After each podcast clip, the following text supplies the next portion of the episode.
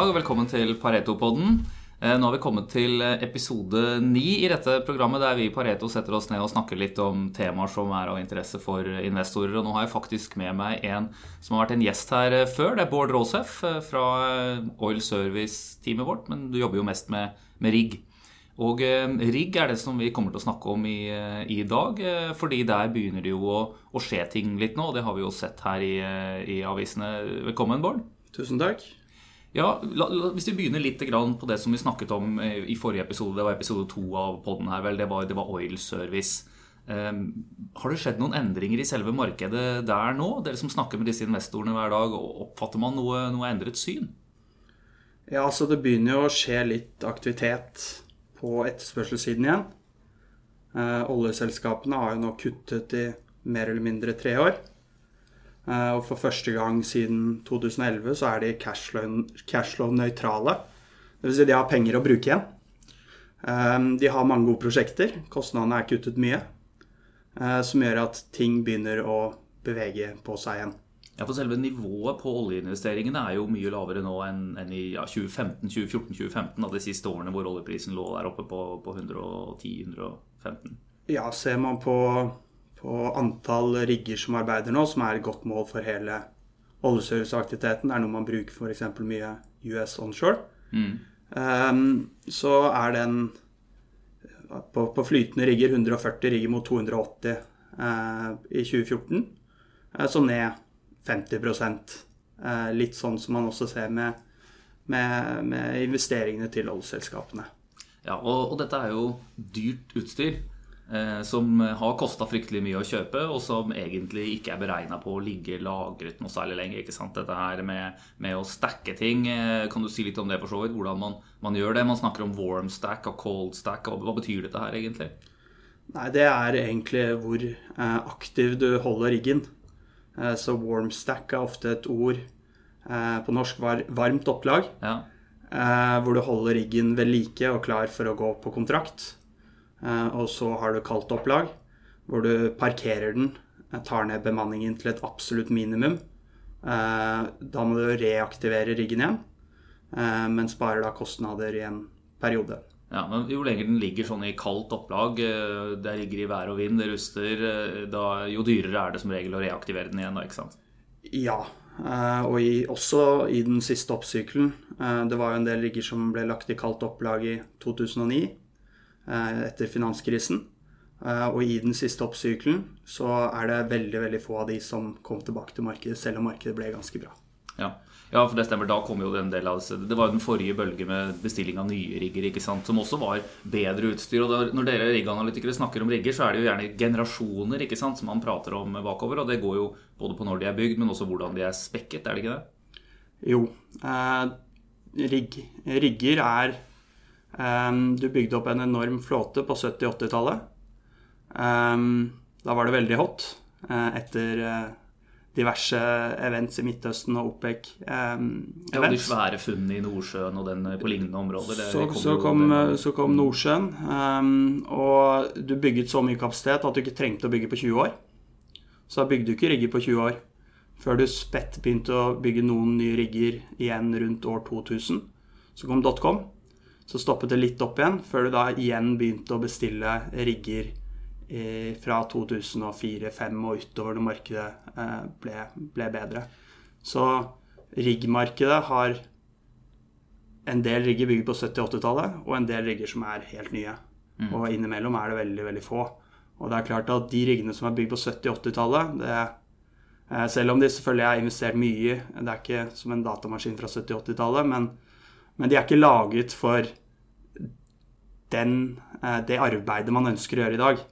Um, så selv om de kan gjøre det, de kan bore hull, um, så de, er de ikke f.eks.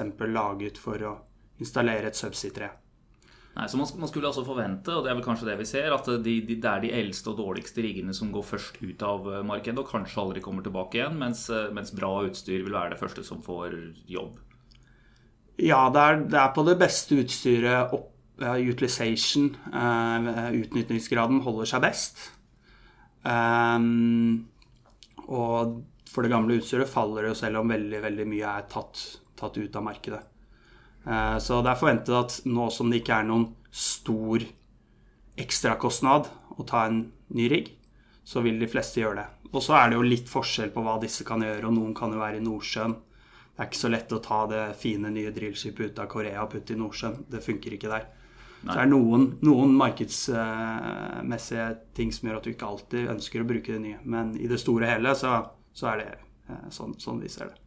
Ja, så det, det vi har snakket om i Nordsjøen, er jo ofte disse Det er, det er jo relativt store, kompliserte, høyt spekkede harsh environment rigger, som det kalles. Det høres fint ut, men det er jo fordi at det rett og slett er dårlig vær. Og særlig om man skal opp i Barentshavet og de områdene der, sånn, så er det klart at da må du ha skikkelig utstyr.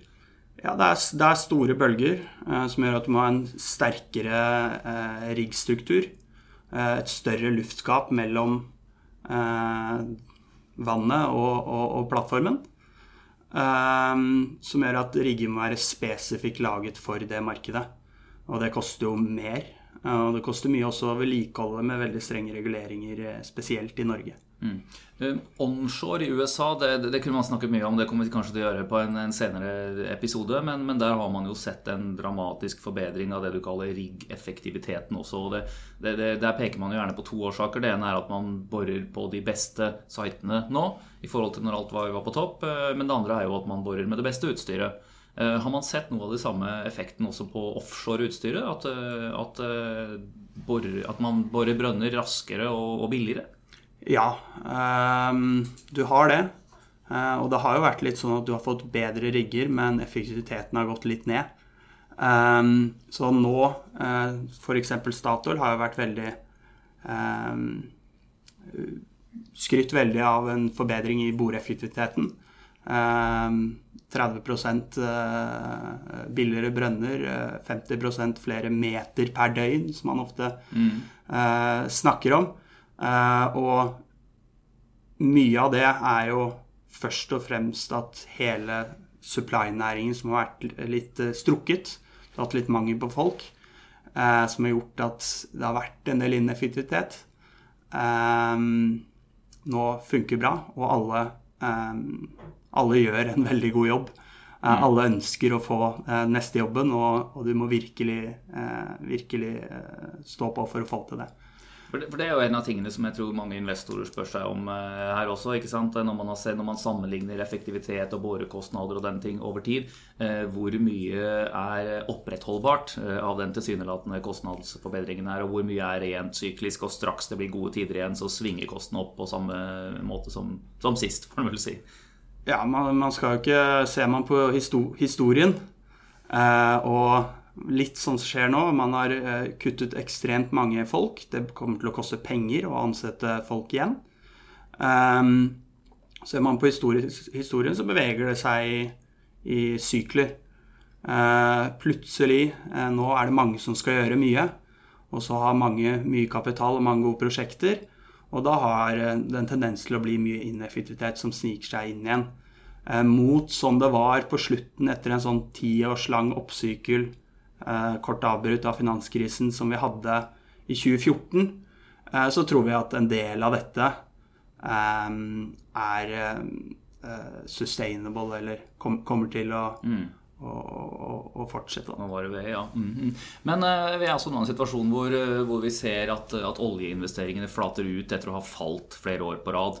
Uh, og at man kanskje kan se for seg at det kan stige litt igjen til, til neste år. Hvor, hvor, er det, hvor, er det, oljeselskapene, de som bestiller og skal bruke disse riggene, hvor er det de nå legger innsatsen sin? Jeg vet at man ser ofte på, på brownfield, som er, er utvikling på eller nær eksisterende felt. Og så har du greenfield og leteboring, den type ting der. Eh, hva er det vi ser eh, Hvor begynner det å bestilles eh, oppdrag nå?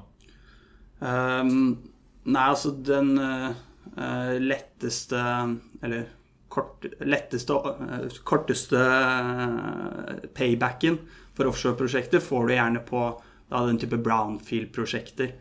Økning i antall aktive Eh, plattformer av de plattformene som står der hvor du ikke har drillet, plattformboring. Eh, det er noe du har sett en god økning allerede. Og det er jo da å drille en brønn for å, å få opp litt mer olje, og ikke så mye mer. Ja, så Det er ofte utvikling av eksisterende felter hvor du typisk borer i omkringliggende områder og knytter det opp mot den infrastrukturen som, som er der. ikke sant? Ja. Og så og så er det jo også den effekten vi har sett at der kostnadene kommer aller mest ned, er boring. For ratene kommer fra et veldig høyt nivå til et fryktelig lavt nivå. Og du har en effektivitetsforbedring. Så de prosjektene som er boreintensive, altså tiebacks, eh, tilknytning til eksisterende felt, de vil ha, en større eh, forbedring i lønnsomheten enn et nytt prosjekt hvor du f.eks. skal gjøre en, en ny FPSO eller en ny plattform. Stålprisen har kanskje kommet litt ned, men ikke i samme grad som riggrater og, og boreeffektivitet. Um, så, så, så det er der de aller fleste av de prosjektene som kommer ut nå, vris litt i den retningen. For Man har jo hørt flere eksempler nå. Statoil er jo enkel å trekke frem som et eksempel hvor de har, eh, hvor de, de, de har kommet med nye tall på lønnsomhet i en del prosjekter, som jo har vært til dels ganske dramatisk mye bedre enn en det det opprinnelig var. Eh, Og eh, det vil si at dette, er prosjekter som kan gjennomføres og er lønnsomme med dagens oljepris og enda lavere. Eh, Og det er jo, det er jo imponerende. Så, så dette her ser jo, jo spennende ut. Men eh, vi så jo også eh, at, at norske stat nå kom ut med en svært stor lisensrunde. ikke sant? Nå legges det ut eh, masse blokker, særlig da nordover, eh, som, eh, som kan være interessant å, å, å bore på for også å se om det er olje der. Altså en leteboring. Eh, Hva forventer vi på det området? Nei, det, det er også eh, Det er jo den eh, oljen som kommer sist. Eh, Det er den lengste, kall det paybacken du har. Men, eh, men oljeselskapene får mer penger. Eh, Så begynner de igjen å tenke på eh, på, på reserves replacement. Ja, For den ser jo egentlig helt ille ut på, på mange av disse selskapene nå. Ja, det gjør den jo. Du kutter kostnadene ekstremt mye, så går ikke det nødvendigvis offshore spesielt utover produksjonen din med en gang. Men, men det er klart, på sikt så, så må du investere mer for å opprettholde den produksjonen du har i dag. For de der ute som ikke er helt inne i oljesjargongen, så betyr jo dette her med reserve replacement ratio rett og slett hvor, eh, hvor lenge et oljeselskap kan, kan produsere da, med det som de har av påviste ressurser. Og om jeg husker feil, riktig på, på Statoil, så er det jo under ti år de har igjen av eh, om de skulle produsert på samme nivå som i dag, eh, før du egentlig hadde vært ja, tom. Tom blir man jo aldri, men, men på en måte at du har nådd, nådd, du har nådd uttømt dine ressurser. Så man må jo fylle på underveis her med å finne ny olje, rett og slett. Ja, det er et oljeselskap. Eh, Oljen i feltene de har, brukes opp. Eh, De må eh, finne ny olje eh, for å ha prosjekter. Ikke nødvendigvis de prosjektene som skal begynne om to år, men kanskje de som skal begynne om fem eller syv år. Eh, og de trenger å gjøre litt av alt, og dette med exploration er, um, er noe som ikke koster så mye. Det er litt lettere å sette i gang, men det er veldig avhengig av at du har pengene, for det er også det letteste å kutte. Ja. Men du får vel ikke disse blokkene Du får ikke beholde en sånn blokk eh, lenge uten at du faktisk gjør noe på den? Er det sånn? Nei, du har eh, typisk eh, litt eh, avhengig, men får du en blokk i Barentshavet f.eks., så vil du være spesifisert du må skyte seismikk, eh, eh, og du må drille én eh, exploration-brønn eh, i løpet av så og så mange år. Eh, det, det ligger der, men, men de oljeselskapene som eh, kjøper seg en blokk, da, de ønsker jo gjerne å de tror, mener jo at det er et potensial der og ønsker ønsker å gjøre det. Ellers må du levere den tilbake til staten. Det har vært ganske stor eh, transaksjonshyppighet, eller eller mange, mye handel i Nordsjøen og eh, i det siste også, hvor du har sett en del eh, oljefelter har byttet eh, eiere. og Det, det er også et, et tema som er, eh, er spennende, men, eh, men hvor man ser eh, nye spillere også komme opp. eh, Og, eh, og har har mer foroverlent holdning. Men eh, hvis vi ser eh, litt på dette her igjen, altså oljeprisen har falt, men litt, funnet en bunn og kommet litt opp igjen. og Våre estimater er jo at den skal videre opp. Eh, Oljeselskapene har kost, kuttet betydelig på investeringene, men nå ser vi at det har flatet ut og kanskje kan begynne å tikke litt opp etter våre estimater fremover. Riggratene falt som en stein. Effektiviteten har økt, iallfall om man ser på det som, som gjøres nå. Hvordan er det våre forventninger til ratene fremover? Begynner man å, å se noen opptikk her nå, eller liksom at eh, det som gjøres av eh, Er det noe lys i tunnelen? Tror jeg egentlig det jeg prøver å spørre om. Eh, det, det er lys i tunnelen. Det mest positive som skjer, er at det flater ut. Så ser vi på etterspørselssiden, så har det vært flatt de siste tre månedene. Du begynner å gi kontrakter igjen. Det finnes ting å by på etter å ha hatt noen år hvor du bare har levd med det du allerede har fått av kontrakter i 2012, 13 og 14. Mm. Så, så etterspørselssiden begynner å, å flate ut. Prisingsmessig så har du skrapt en del rigger, men ikke så mange i forhold til hvor mye etterspørselen har falt. Så eh, utnyttelsesnivået for flåten eh, ser man på flytende rigger, så, så er den fortsatt 50 eh, Så da konkurrerer de eh, ut fra løpende kostnader. Eh, og, og får du løpende kostnader, så er det bedre å holde riggen din i arbeid, holde folkene dine i arbeid, enn å putte den i opplag.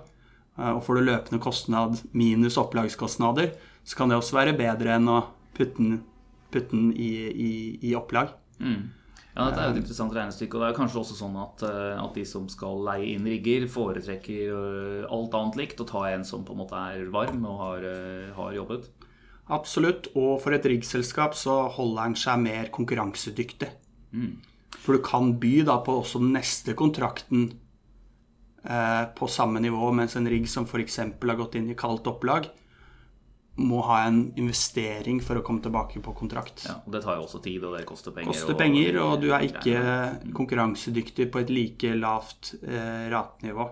Men i denne situasjonen, da, når vi i hvert fall har sett at, eh, at ting slutter å falle Du er liksom sånn du er på tivoli, du kjenner G-kraften når det går nedover, eh, men, men, så begynner det etter hvert å, å, å, ta imot. ikke sant? Det er liksom litt der vi er nå, har jeg følelsen av. Og nå begynner man jo å se, og det er kanskje det mest spennende her, noen av de spillerne som har vært i bransjen lenge, det er jo sfæren rundt Fredriksen og tidligere Fredriksen, får man si, om, om Trøim som begynner å ta posisjoner. Man etablerer nye selskaper. Du har Bård Drilling, som eh, vi har sett komme opp nå i løpet av de siste månedene. Og eh, Northern Drilling, det nye selskapet til, til Fredriksen. Han etablerte jo noe som han kalte Sandbox for en stund siden, som liksom skulle være klar til å kunne gjøre noe. Og så ble det da Nå har det skjedd transaksjoner. Kan du ta oss litt gjennom disse to konseptene? Hva er, det, hva er det vi ser her nå, eller hva er det de ser, er kanskje, kanskje det som er spørsmålet? Nei, altså det, det er um, Med en gang markedet når en bunn, um, så ønsker du å gjøre de første oppkjøpene uh, før prisene stiger igjen. Og utnytte situasjonene når ting er på det mørkeste. Um, så dette, de har da sett at markedet begynner å, å nærme seg en eller annen bunn. Det begynner å bli mulig å få kontrakter igjen.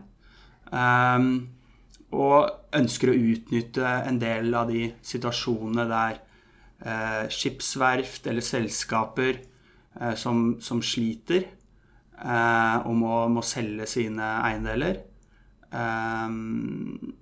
Og, og, få de riggene til en, en, en, brøkdel av det det har kostet å, å bygge dem. Mm. Um, og få en veldig Man er klar over at det er dårlig nå, men en veldig attraktiv eh, inngang. Kjøpe billig utstyr, altså. Kjøpe, skikkelig utstyr, kjøpe billig. Og Vi nevnte ikke det i stad, men én ting er jo å kjøpe fra eksisterende Altså kjøpe kan du si, rigger som, som er i markedet eller har jobbet. Eh, men noe annet er jo at, at verftene At det, det, står nesten ferdige eller helt ferdige rigger på verftene som ikke har blitt overlevert fordi selskapet som skulle motta de, ikke er i stand til å ta dem imot, eller er i en eller annen form for restrukturering eller konkurs. Ja, eller det er det Der eh, verftene har slitt med å levere på tide. Eh, som gjør at bl.a. Sidril og Fred Olsen, som er de to riggene Northern Drilling har kjøpt, har kunnet kansellere de kontraktene de inngikk i 2012, mm. og få tilbake de pengene de har investert. Og de hadde jo kontrakter på disse riggene, men de kontraktene hadde også et startup-window som gjorde at de som skulle ta de riggene, eh, kunne kansellere de kontraktene eh, i likhet med da riggselskapene. Og de ønsket jo så klart ikke de kontraktene når de var på kall det 590 600 000 dollar per dag, og dagens Nei, pris er kanskje 200 eh, så, så er det rett og slett det at verftene, sammen med utstyrsleverandører, Eh, ikke har klart å levere i tide, som gjør at de blir stuck med regninga. Ja, De sitter med regningen, men de sitter jo også med riggen. Så den står nå på altså det, er, det er et svært bygg. Det står og tar opp plass på et, og binder kapital på et verft. Den som skulle kjøpe det, er, har kansellert kontrakten av på grunner de da kunne, kunne få det gjort. Og, og, og, dette er blant de riggene som da nå har kommet i, i salg til en sterkt rabattert pris, ikke sant? Ja. Mm. Det er klart at det verftet skal ikke eie disse riggene. De har ingen intensjon om å bli et riggselskap. Ønsker å, å selge de og bli ferdig med de. De fleste av disse verftene har også tatt en del tap på dette, restrukturert. De sliter jo kraftig selv. Mm. Og rett og slett blir ferdig med noen prosjekter. Kall det noen kriseprosjekter hvor de har tapt mye penger. Og da blir det en budrunde. Dette har vi sett før også, hvor, hvor riggselskaper går til verftene og, og kommer med forslag på, på, pris og hvordan man kan løse dette her. Så, så Fredriksens Northern Drilling kjøpte to av disse riggene som er kjøpt ut fra et verft. altså Så det er splitter nye rigger. Mm. Eh, hvor skal de gå inn? Skal han etablere driftsstruktur på dette her, eller skal det inn et, hos en operatør? Eh, det er et opportunistisk investeringsselskap, så du har jo Seadrill der. Seadrill har ikke muligheten i dag til å kjøpe rigger. Eh, men eh, i utgangspunktet skal de bli værende på verftet. Eh, per nå så er det ikke et spørsmål for det. Og så skal Sidril passe på det. Så dette selskapet er et rent såkalt asset-selskap. Så det eier rett og slett assetene, men når dette en gang blir markedsført ut i markedet for å, for å bore, så vil det være gjennom Sidril, da, eksempelvis? Det, det, er litt sånn man får vente og se. Ja. dette er et selskap som skal gripe mulighetene. Kanskje de selger disse riggene til noen andre. Eh, kanskje de selger de til Sidril. Sidril vil få en forkjøpsrett til å kjøpe de på markedspris. Eh, men, men, det er litt sånn eh, to be seen. Mm. avhengig av hvordan ting utvikler seg. Ja, Det er spennende. Vi, vi, ser i hvert fall at en av de virkelige ringrevene i bransjen nå har gått inn og, og, posisjonert seg. Og Fredriksen er jo flink på både Asset Play og på å bygge selskaper i, over tid. Så, så det der er, er spennende. Men, men, la oss også se på den andre strukturen her. da. Trøim og, og Borr. De kjøpte to store rigger, eller sånn mellomstore, og så plutselig så snudde de seg rundt og kjøpte hele jackup-flåten til TransOcean. TransOcean er jo, for de som ikke kjenner de amerikanske spillerne så godt, det er jo verdens største riggselskap, eh, ikke sant? Ja, de er, de er, vel det fortsatt, men de har hatt en, en bratt nedgang i, i, i, i, antall rigger. Um, ja, altså, de kjøpte jo to De gjorde egentlig det første uh, oppkjøpet, reelle oppkjøpet i desember i fjor. Kjøpte to sånne oppjekbare jackup-rigger mm. uh, av et selskap som eh, var i likvidering. Eh, fikk en fantastisk pris. Eh, og så har de da tatt steget videre og nå kjøpt en 15 rigg-pakke eh, fra TransOcean. og har da 17 jackups, som gjør at de faktisk er en en, eh, en meaningful player i, i jackup-markedet. Ja, det er et, Jackup er disse oppjekkbare riggene som jobber på sånn mellomdypt vann, eller relativt grunt vann. sant? Grunt, grunt vann. Ja. Eh, opp til 400 fot. De, de står på havbunnen mm. mot en flytende rigg som du må ha hvis det er dypere enn det. Ja, det, er store, det er jo store områder hvor du har en relevant eh, vanndybde. Nordsjøen for så vidt mellom altså Norge og, og, og England. Der er det jo det var jo land eh, under forrige istid, så, så det, det, det, ligger ikke veldig dypt. Og du har også en rekke andre områder hvor, hvor denne type rigger er, er relevante. Ja, bl.a. Midtøsten er det aller største, største markedet. Eh, persiske Gulfen. Ja. Der er det mye olje. Um, der er det mange brønner du kan, du kan, drille. Og da er det jo den type rigger du vil ha. Så er det også sørlig Nordsjøen, du har Mexico, du har en del land i Sørøst-Asia. Ja. Um, litt spredt her og der. Men uh, denne pakken, 15 rigger de kjøper fra TransOcean, hva slags, uh, kan, du, kan, du, karakterisere den? Er det, noen, er det, gammel, er det hummer og kanari, eller hvordan ser det ut? Um, det er gode jackups. fem av de er nybygg, som ligger på verftene. Splitter nye, gode mm. rigger. Det er sammenlignbart med de som for så vidt Fredriksen kjøpte bare annen type rigg, altså, men det er den type som, som, som er helt, helt nytt utstyr. State of the art mm. under bygging. Um, og så har du uh, tre rigger um, som er er fire rigger som er sånn 2011-12 uh, Begynner å bli tre-fire år gamle, men fortsatt anses som state of the art. Ja. Uh, og så har du, har du et par bygd tidlig på 2000-tallet, da man bygde noen få rigger. og så har du tre uh, Harsh Environment Jackup som er bygget på, på 90-tallet. Det er faktisk de få som er bygget på 90-tallet. Ja. Uh, lå i den pakken. Og én eldre enn bygget til 86. Så det er litt sånn hummer og kanari, men store delen av verdien ligger jo i de uh, nye riggene her. Um, den fra 86 er ikke verdt veldig mye. Det er ikke den de betaler for. Bare nysgjerrig, men Transocean ble jo et eller Det skjedde jo noen fusjoner. Jeg sånn, husker helt i begynnelsen av den tiden jeg jobba med aksjer, egentlig, hvor det norske Villrigg og disse selskapene kom inn og, og, ble fusjonert inn i det som var Transocean. Er det rigger som en gang i tiden har vært norske, dette her, egentlig, eller som nå kommer tilbake hit? Transocean jo, var jo et norsk børslistet selskap. Uh, Transocean ASA. Ja. Um, og det selskap som er i dag, er jo en rekke eh, transaksjoner, eh, sammenslåinger av selskaper, eh, som da tok TransOcean-navnet eh, fra, fra, det norske selskapet.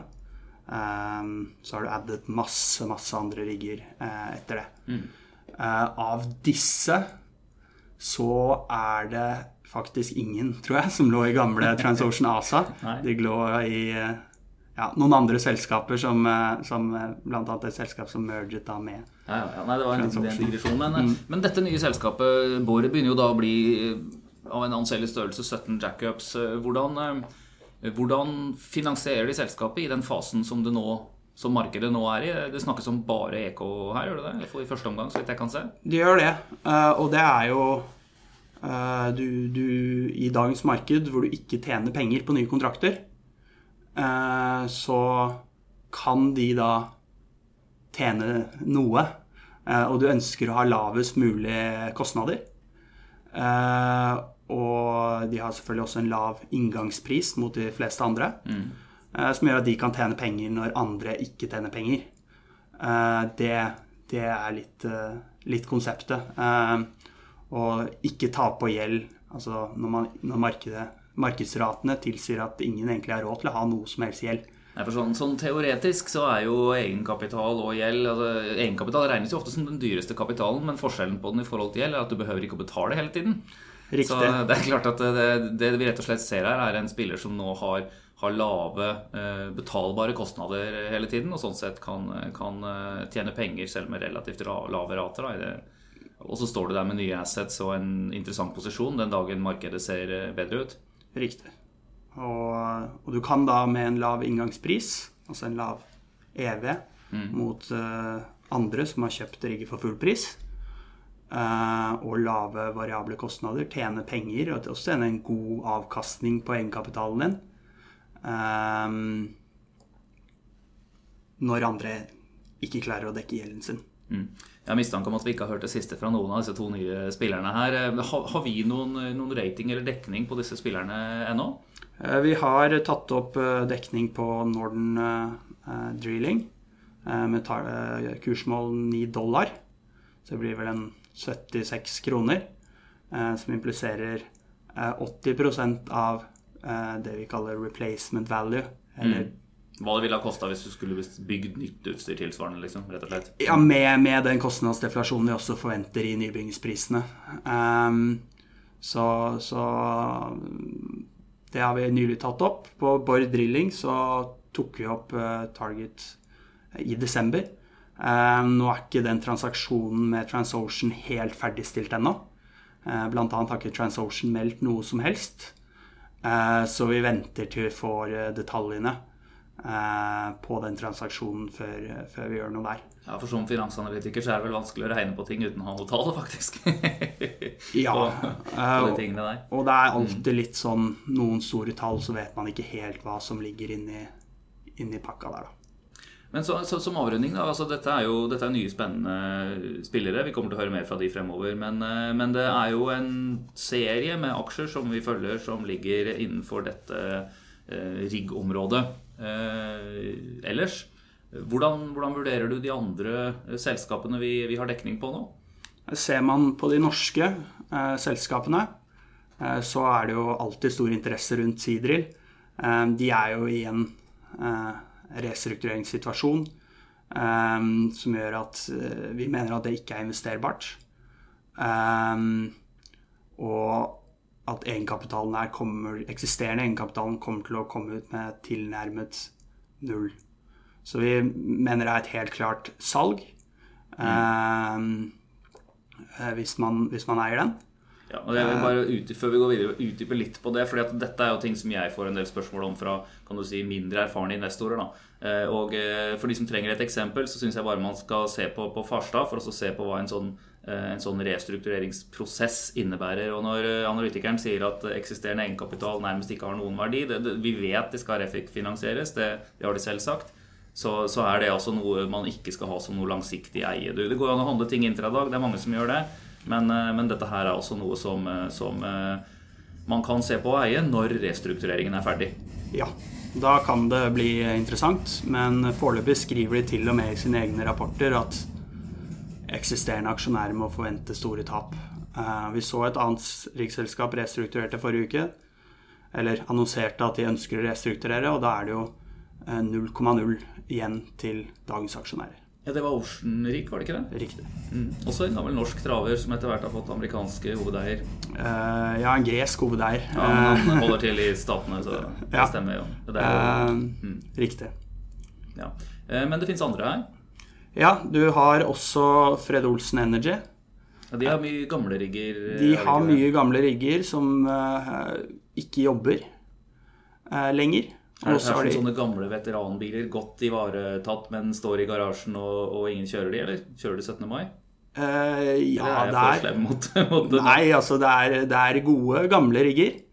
Uh, men i dagens marked, uh, når du ikke trenger så mange nye rigger, så er det ikke de som har fått kontraktene. det er heller sånn som Oddfjell Drilling med nye, flotte rigger. Mm. Um, så, så de er litt et offer for markedet. Um, de er ivaretatt. Fred Olsen har i hvert fall brukt fryktelig mye penger på de eh, gamle riggene sine. Um, men de er litt et offer for markedssituasjonen, og på et eller annet tidspunkt så ser man jo for seg at disse riggene kan faktisk ikke komme tilbake. Mm. Uh, og det tror vi gjelder for flere av de nå. Uh, så Fred Olsen uh, har en, et splitter nytt drillskip som gjør det veldig bra.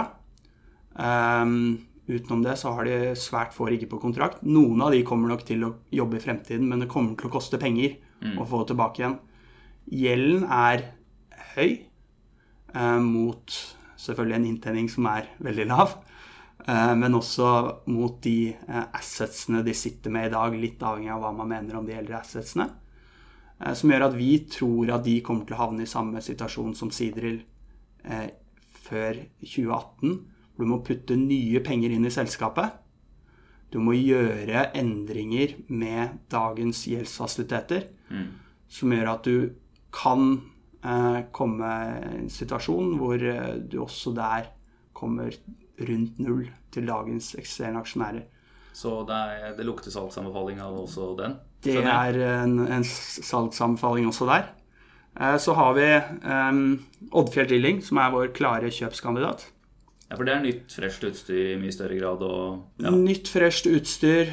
Alle, selv om de, en del av riggene var ledige, så har de jo fått kontrakten for Johan Sverdrup. Eh, de har fått kontrakten for Maria, en vintershall her i, her i Norge. Så de har tre veldig gode rigger som alle går på kontrakt. Så har de en gammel traver, de òg, som de opportunistisk eh, har klart å putte også på en ny kontrakt, for den er varm litt lenger enn de fleste andre eh, eldre rigger. Mm -hmm. eh, som har en viss mulighet til å overleve, men vi putter relativt lite verdi på dem. Eh, og så har de en annen business, eh, en brønn, brønnservice-business. Så De gjør mye av dette her brownfield-arbeidet, de altså omkring eh, og feltutvikling? Ja, de har f.eks. plattformboring, en divisjon for plattformboring. Og de selger også De gjør hvis du, hvis du driller en brønn, så riggselskapet gir deg riggen og folkene til å drille, så er det noen andre som som ja, husker ikke det norske ordet, men gjør tubular running services, f.eks. Ja, ja. Altså selve, Mm. selve, selve Annet enn det å bore et hull, da. Så i bunn og grunn så kan det dreie seg om å gjøre større del av den jobben som oljeselskapet egentlig er ute etter. Dette er jo noe vi også så i forbindelse med, med Borr, om jeg ikke husker feil nå, hvor altså Slumberger oljeservicegiganten, kom inn på eiersiden ikke sant, gjennom sitt investeringsselskap, og hvor det var litt snakk om dette å, å kunne selge et eh, u- gjø- gjøring av et borehull, kan du si. Selge det til, til eh, et oljeselskap i mye større grad enn at de må kjøpe alle bitene av tjenestene fra forskjellige leverandører. Ja, og, og det, det har vært en fordel. De fikk nå en kontrakt i Sør-Afrika Sør for en av altså? de norske riggene. Og da trengte de engineering-kompetanse som Oddfjell sitter på. Eh, Så de fikk en, mot dagens markedsrater, veldig god rate. Eh, Med en god margin, fordi de har den kompetansen. Og dette viktigste kanskje er at dette er et segment som i motsetning til drilling, som er veldig asset-intensivt, hvor du enten tjener ingenting eller taper masse penger, eller du tjener fryktelig mye, så er dette noe som også genererer en cashflow nå. Eh, Du sitter ikke med, med det samme asseten. Du gjør lav, mindre salg, men du taper ikke penger. Um, som er ganske unikt for et riksselskap og, og har verdi. Hvordan ser balansefinansiering ut her? Er det liksom greit? Uh, ja. Uh, det er ikke eh, kjempemye cash i selskapet, men de har kontrakter. Uh, de refinansierte i fjor høst, eh, som gjorde at aksjekursen har kommet opp fra 5 kroner til 17-18 kroner, hvor den er nå. Ja, Det er også ting som typisk kan skremme noen investorer. Altså, Man tør ikke kjøpe, for nå har den gått så mye. og alle de der, der. Men, men hva, hva er din anbefaling på, på Oddfjell Drilling nå? Nå har vi en kjøpsanbefaling og kurs mot 28 kroner, og da føler jeg ikke at vi er aggressive.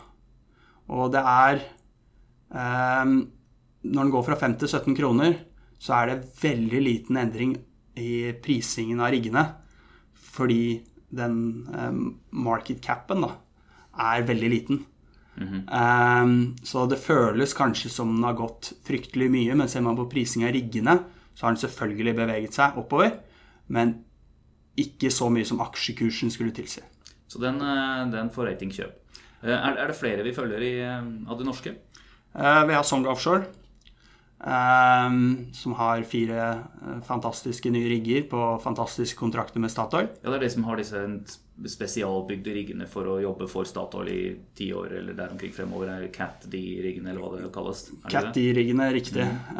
Et Statoil-spesifisert rigg som skal ta litt sånn enkle arbeidsoppgaver på norsk sokkel, hvor tidligere de gamle riggene jobbet. Eh, og de har jo syvårskontrakt med Statoil. Dette er noe Statoil ønsker. Ehm, det er jo et selskap som har restrukturert en del tidligere, og de har veldig mye gjeld.